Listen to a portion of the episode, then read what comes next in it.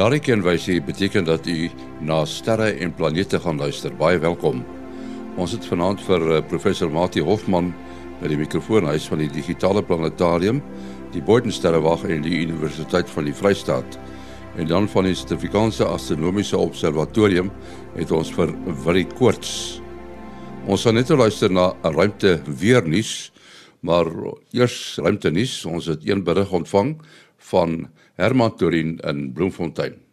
Baie van wat ons tot onlangs nog van komete geweet het, het verander sedert Rosetta se besoek aan die komeet 67P Churyumov-Gerasimenko 6 jaar gelede en die landingstuig Philae se holderste boulder landing op sy sy. Dit het byvoorbeeld gebleik dat die sneeu op die komeet nie soos harde ys is nie, maar besonder sagte kapok.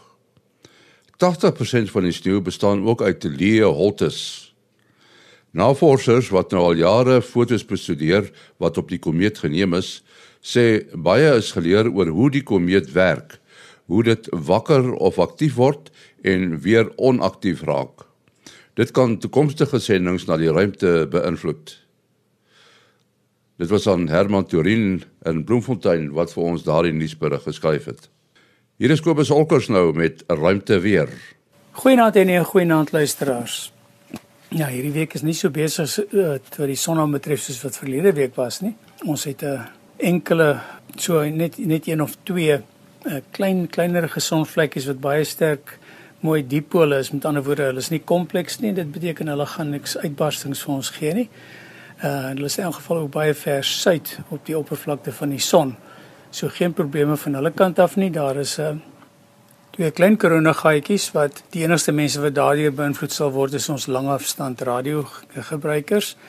Uh dit lyk vir my asof hulle so 'n bietjie suidgerig is, so hulle maak die aarde se magnetveld so klein bietjie swakker. Dan wat filamente aanbetref, uh is die son redelik skoon van hulle op hierdie stadium en dit is ons ruimte weer voorspelling vir hierdie week en dan kan ons gou 'n ding of twee sê oor hierdie rigting van die magnetveld, die interplanetêre magnetveld. Ehm um, dit is die veld wat ons meet uh wat die sonwind saambring van die son af. Uh dit is baie interessant en dit is dat die as die die plasma bolle die die son verlaat met 'n uitbarsting of nou met die koronagaatjies wat ons nou sien. Ehm um, dan is hulle magnetveld word dan vasgemaak en en hy hy hy sit dan nou in hierdie sonwind wat nou op pad is na ons toe en hy kom dan nou in dit en dit neem tipies die die uh, so ding as dit nou as hy so teen 300 na 400 km per sekonde kom dan neem dit hom so 3 en 'n half na 4 dae toe om hier aan te kom. So dit is 'n permanente magneet wat is op wat op pad is na die aarde toe vir alle praktiese doeleindes as natuurlik nou 'n korona massa uitbarsting is dan tol hy dan weet ons nie watter kant toe noord en suid gaan wees nie. Ons ons gaan dit nie weet voordat ons nie hom kan raak sien met ons satelliete wat so hele 'n uh, paar miljoen kilometer van die aarde af sit nie. Maar wat die sonwind dan betref kan ons dit baie goed sien. As ons dan nou die die uh, die magnetiese veld het dan het hy drie komponente. Hy het 'n uh, een wat in dieselfde rigting as die aarde se magnetveld is en hy het dan twee wat uh nog ortogonaal op of of terwyl uh 90 grade op hierdie goed is. En as ons dan sê die BZ komponent of die vertikale komponent wat vir ons baie belangrik is, is negatief, dan beteken dit die aarde se magnetveld gaan effe verswak word. En as ons sê is positief, dan beteken dit hy gaan effe versterk word. Nou ja, mooi bly tot volgende week. Kobus Olkers daar in Florida, Amerika en hy sorg elke week vir ons vir die ruimte weer. Uh ons het 'n hele klompie luisteraars briewe gekry en uh ons wil 'n bietjie gesels oor die term uh, maatie wat jy al gebruik het uh, presessie. Dit is eintlik 'n vraag wat van Dirk Netling afkom hier in Pretoria. Uh ja, die uh, presessie net om die luisteraars te herinner, uh dit is die beweging wat 'n mens kry as jy 'n roterende liggaam het Uh mens kan nou maar dink aan 'n top wat ons in ons kinderdae gespeel het. Ehm um, en as hy nou roteer om 'n as en daardie as is onderworpe aan 'n aan 'n krag. Met ander woorde, die top uh se as is nou skuins ten opsigte van die die horisontale vlak, dan wil hy mos nou afbuig. Die aarde wil hom omtrek. Maar uh, weens die draai momentum kan dit nie sommer net die kortste pad vat nie en die effektiewe effek is dat die as begin draai rondom die loodregte lyn op die horisontale vlak. So dit noem ons presessie en die uh interessante ding is is dat die aarde uh ook so presessie beweging uh uitvoer uh, rondom 'n as wat loodreg op die ekliptiese vlak is. Die ekliptiese vlak is natuurlik die vlak waarin die aarde om die son draai. En ons weet uh, ons as het 'n uh, 'n hoek. Hy staan nie loodreg op die uh vlak, die ekliptiese vlak nie en dit is waar ons seisoene vandaan kom. Nou omdat die aarde nie 'n perfekte sfeer is nie, hy is so bietjie vetter by die uh rondom die ewenaar as rondom 'n groot sirkel deur die deur die pole. Uh so nou kan mens jou voorstel die son se gravitasiekrag wil nou graag die aarde se se ewenaarsvlak parallel trek met die ekliptiese vlak.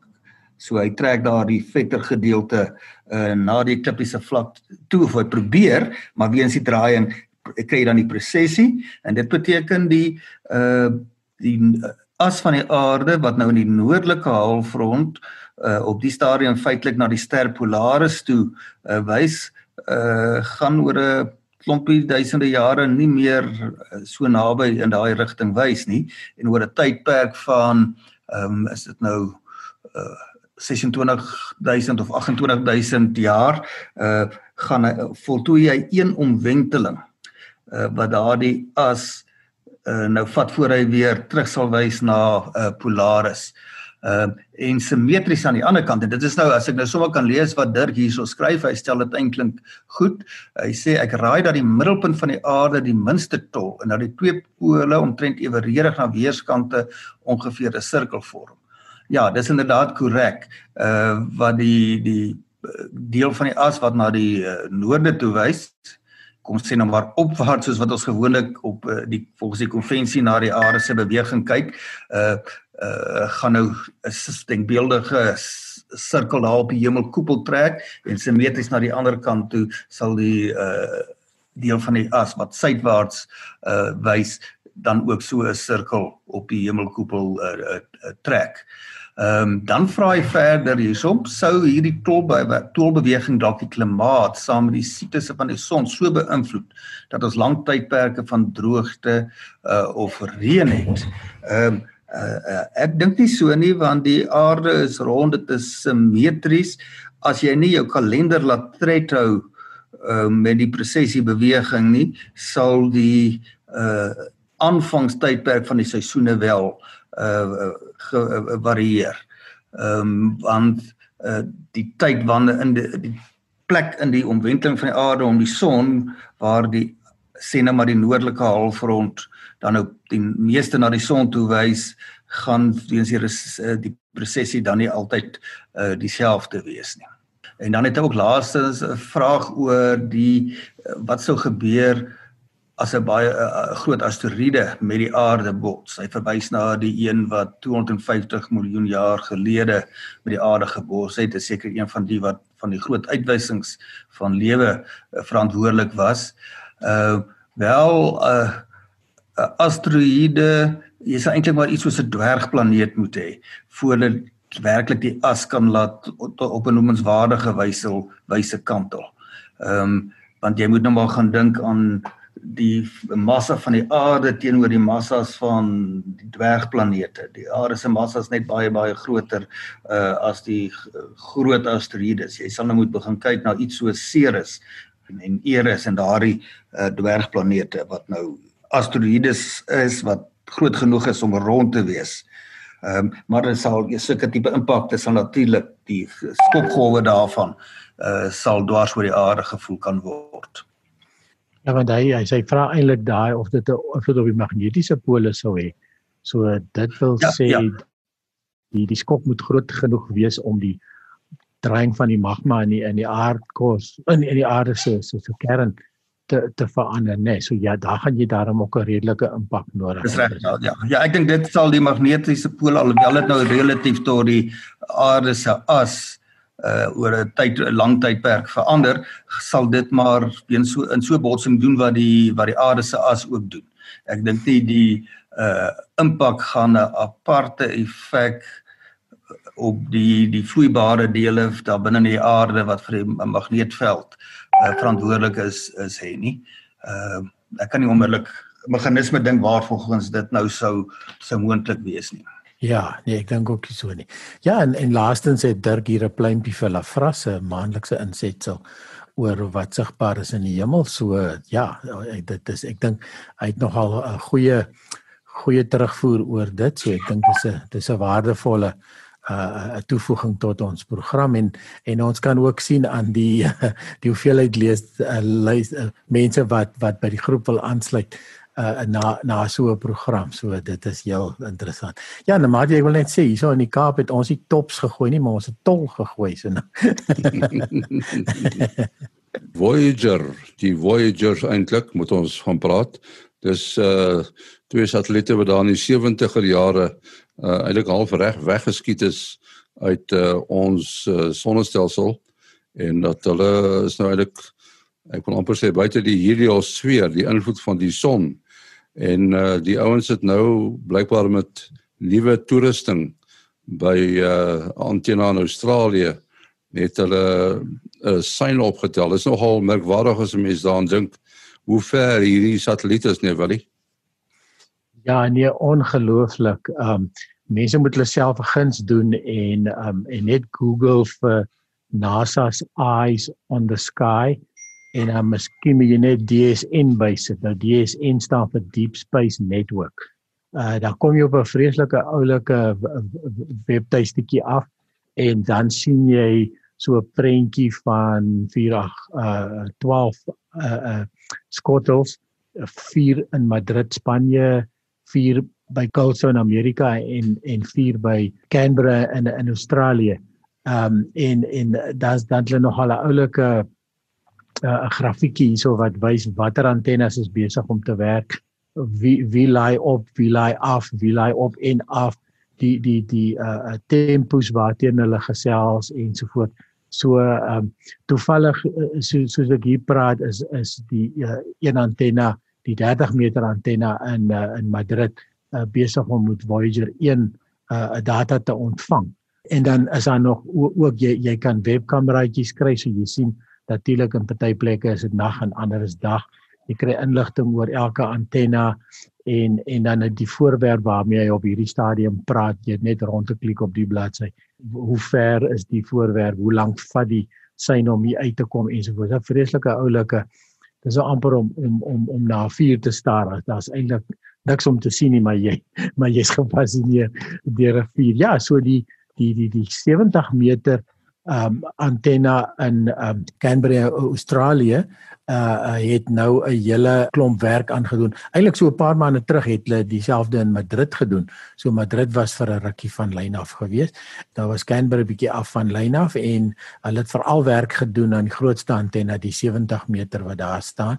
Uh, interessant genoeg, hulle hulle kon nou nog die heeltyd gesels met uh Voyagers albei Voyagers, maar eintlik vir al spesifiek Voyager 2. Nou hoekom Voyager 2?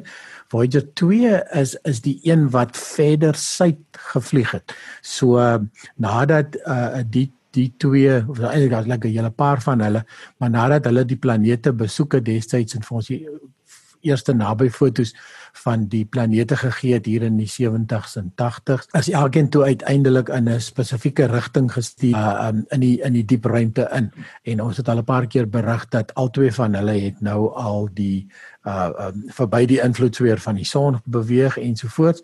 En um nou soos jy sê die die inligting Japie het, het laas wel vir ons mooi verduidelik hoeveel het die uh want dit is 'n radioaktiewe kragbronnetjie en die ding het 'n halflewe van ek kan nou nie die getalle presies onthou nie maar die uh, ek dink die die die Voyager se se kragbronne het, het al baie naby halfpad hulle krag verloor en hulle afstand raak heeltyd verder. So dit raak al hoe moeiliker om met om met die Voyagers te praat. Ek dink hulle hulle kyk nog na volgende 4, miskien 5 jaar wat hulle nog met hulle kan kommunikeer.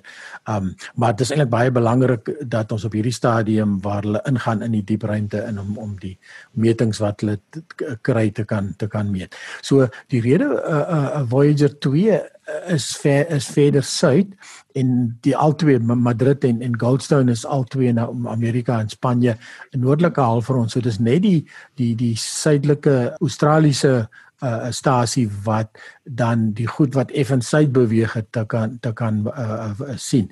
So gelukkig kon hulle nog die heeltyd data ontvang met die kleiner 30 meter antennes, maar as hulle wil um bevele stuur of dit wil sê uh, uh upload na die na die uh, satelliet toe. Uh moet hulle die 70 meter skottel gebruik. En um dit is dan nou hy wat vir iets so 7 maande van lyn af was en toe nou uiteindelik so so een van jou beste toetse as jy nou klaar al hierdie opgraderings te gedoen het om te kyk of jou antenna werk as om om met die verste ding wat jy kan kry mee te gesels en dis presies wat hulle gedoen het en uh, ja so nou nou is die nou is die netwerk weer weer mooi in in werking en hulle kan nou met met al die satelliete gesels wat wat hulle nodig het om om te gesels. Uh, en en net so vir hulle van perspektief die mense is dan nogal trots op hoe ver die uh, Voyager al gereis het. Dit ons praat nou van 'n hele klompie duisend miljoen kilometers.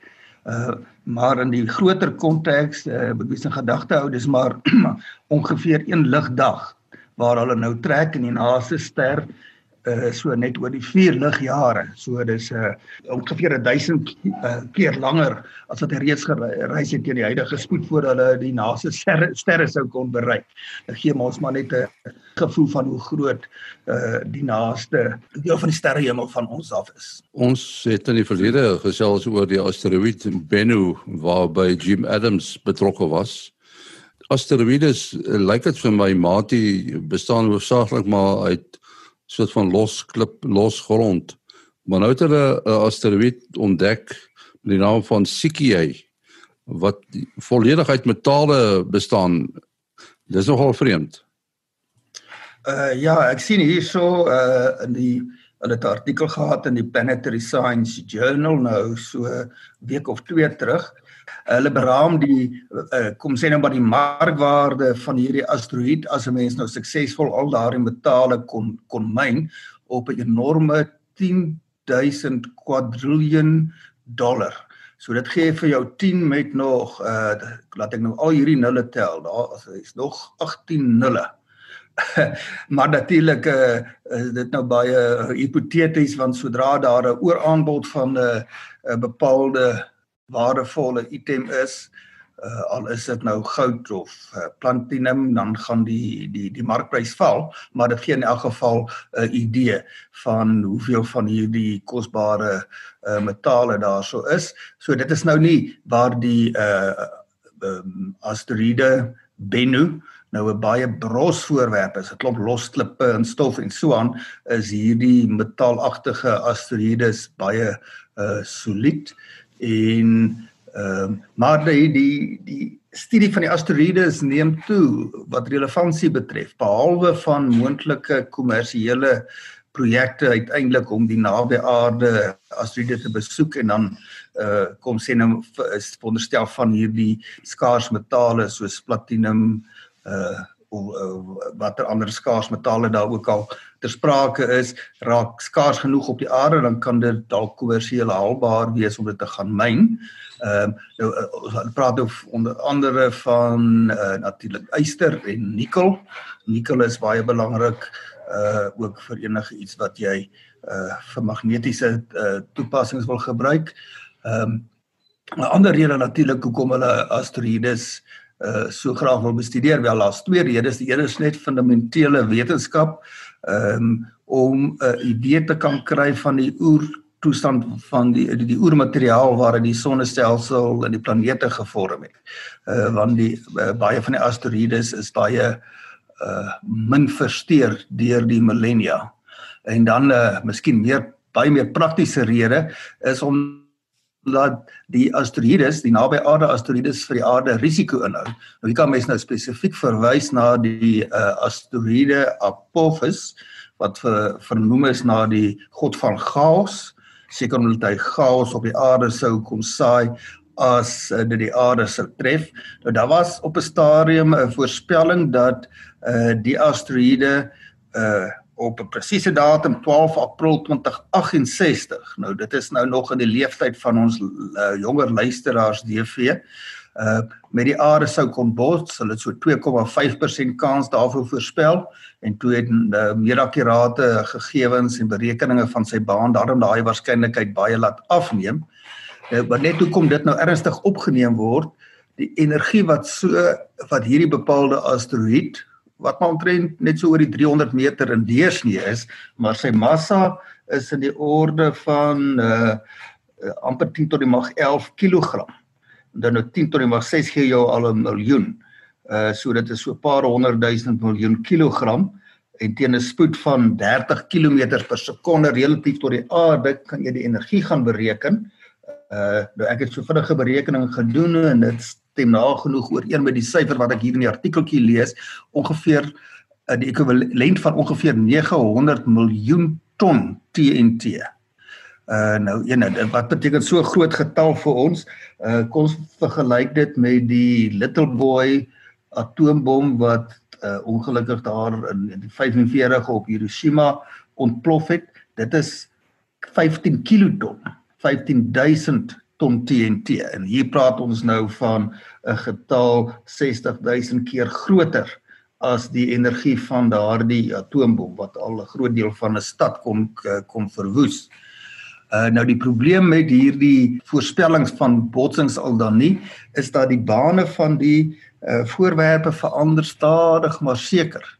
En as jy nou 'n klein veranderingkie nou het, dan kan dit oor uh teen uh wel nou oor 48 jaar dit is nou van nou tot in 2068 kan dit 'n aansienlike verskil maak. Uh het sy iets wat dalk wat volgens die huidige berekeninge is dalk die aarde net net sy mous mis kan dit dan tref of andersom. En daar is 'n interessante effek uh nou as ek nou die volle naam van die effek gee gaan niemand dit onthou nie. Uh hulle praat van die Uh ons praat nou maar kortweg van die Jarkovsky effek.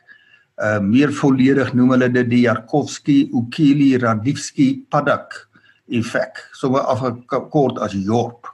Dis nou wat die mense wat hierdie effek uh, die eerste keer beskryf het en dit is van toepassing op asteroïdes wat roteer. En nou kan jy jou voorstel as dit 'n naby aarde asteroïde is, dan bak die een kant wat na die son toe wys uh, bak warm En nou roteer die asteroïde en 'n rukkie later dan is daardie deel wat nou nog warm is, dit nog nie dit vat tyd om af te koel, daar is 'n termiese traagheid. Ehm uh, dan word dit in die in die donker rigtings uitgesaai. En daardie straling wat uitgestraal word, dra met hulle momentum saam en met die aksie-reaksie effek behoud van momentum moet die asteroïde dan 'n bietjie in die teenoorgestelde rigting gedruk word. En nou kan jy jou voorstel as jy nou na die asteroïde se baan kyk, sê nou maar van bo af gesien, soos wat ons nou maar bo in terme van die aarde se uh, noordpool uh, definieer. En hy draai nou sê antikloksgewys soos wat die aarde draai en die rotasie om die eie om sy eie as is ook antikloksgewys, dan kan mens uh, gaan insien dat hy kyk nou na die son op 'n bepaalde stadium en dan die donkerste uh, deel wat nou roteer uh, of die warm deel wat nou roteer in die donkerte in gaan dan die straling weg van die son af of in die uh, weg van die voorwaartse beweging van die asteroïde uitstraal en as ware die baie stadig maar seker sy spoed vergroot en dan die baan geleidelik 'n bietjie uh, verander, 'n bietjie groter maak. As hy in die teenoorgestelde rigting roteer, dan gaan die uitstraling weer in die voorwaartse rigting waarheen die asteroïde beweeg uh plaasvind en dan gaan dit 'n klein maar stadig maar seker remmende effek hê en dan sal die asteroïde se baan weer stadig kleiner word. Nou dis maar 'n klein effek maar gegee die uh, ek weet mense weet mos nou as jy met jou geweer net 'n baie klein bietjie skeef mik oor en jy skiet 300 meter ver dan maak dit 'n groot verskil uh oor 'n groot afstand. Mati is is hierdie effek met die naam wat mens met jou tande in moet sê uh dieselfde effek wat jy kry mense het jare terug mense sien hulle nie meer baie nie jy so 'n uh, uh, glas dingetjie was was in 'n vakuum en dan het jy 'n gewone dingetjie in die middel wat so kan draai met drie sulke armpies en en dan uh het hy ook as jy lig by hom bring dan begin die ding te draai. Is dit ek neem aan dis dieselfde effek Ja, hy uh, dit is 'n radiometer. Ehm um, hy het amper 'n vakuum binne in hom, maar nie heeltemal nie. Ehm um, en dan het hy die een kant van die plaatjie is swart en die ander kant is blink. Nou oh. wat daar gebeur is dat die swart kant word warmer en nou vibreer daardie uh, uh, molekules en hulle stamp teen die molekules in die in die lug. So die meganisme oh. is 'n bietjie anders, maar in elk geval dan begin hy altyd draai weg van die swart kant af. Uh nou uh die rede hoekom ek mens weet dit is nie die stralingseffek daar nie is dan sou dit beter gewerk het in 'n absolute vakuum. Want die straling word nie deur die vakuum beïnvloed nie, maar dan werk hy juis nie. Hy het daardie bietjie molekules in daardie uh atmosfeer uh nodig waar teen die vibrerende atome in die swart plaatjie kan kan bots. Okay, ja, want ek onthou jare terug was daar een van 'n voorstelle hoe om uh, asteroïde 'n bietjie van Kusaf te kry om, om sy een kant te gaan wit gaan wit verf. En uh, en dan moet die ding natuurlik dit moet natuurlik 'n uh, uh, asteroïde wees wat roteer. Ja, dit is dan 'n verwante effek wees wat gaan oor die momentum yes. in straling. Ah, yes. Dat dan nou dan gaan dit nou maak dat daai straling baie effektief weerkaats word uh so die moment, momentum van die straling keer om en dit moet dan uit die aard van die saak daardie momentum oordra aan die ander liggaam. Hmm, hmm. Jy moet net seker maak dat jy nou nie die ding jy's op die aarde afstuur nie.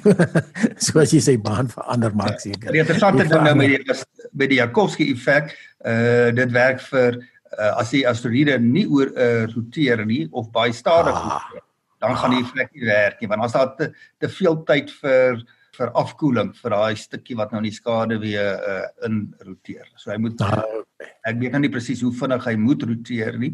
So dit hang nou ook af van die tipe materiaal, weet jy, hoe vinnig, hoe stadig kan daardie materiaal afkoel. Matie, terwyl jy in die gang is, wat se besonderhede? Uh selfoonnommer 0836257154. 0836257154. Wil jy? 0724579208.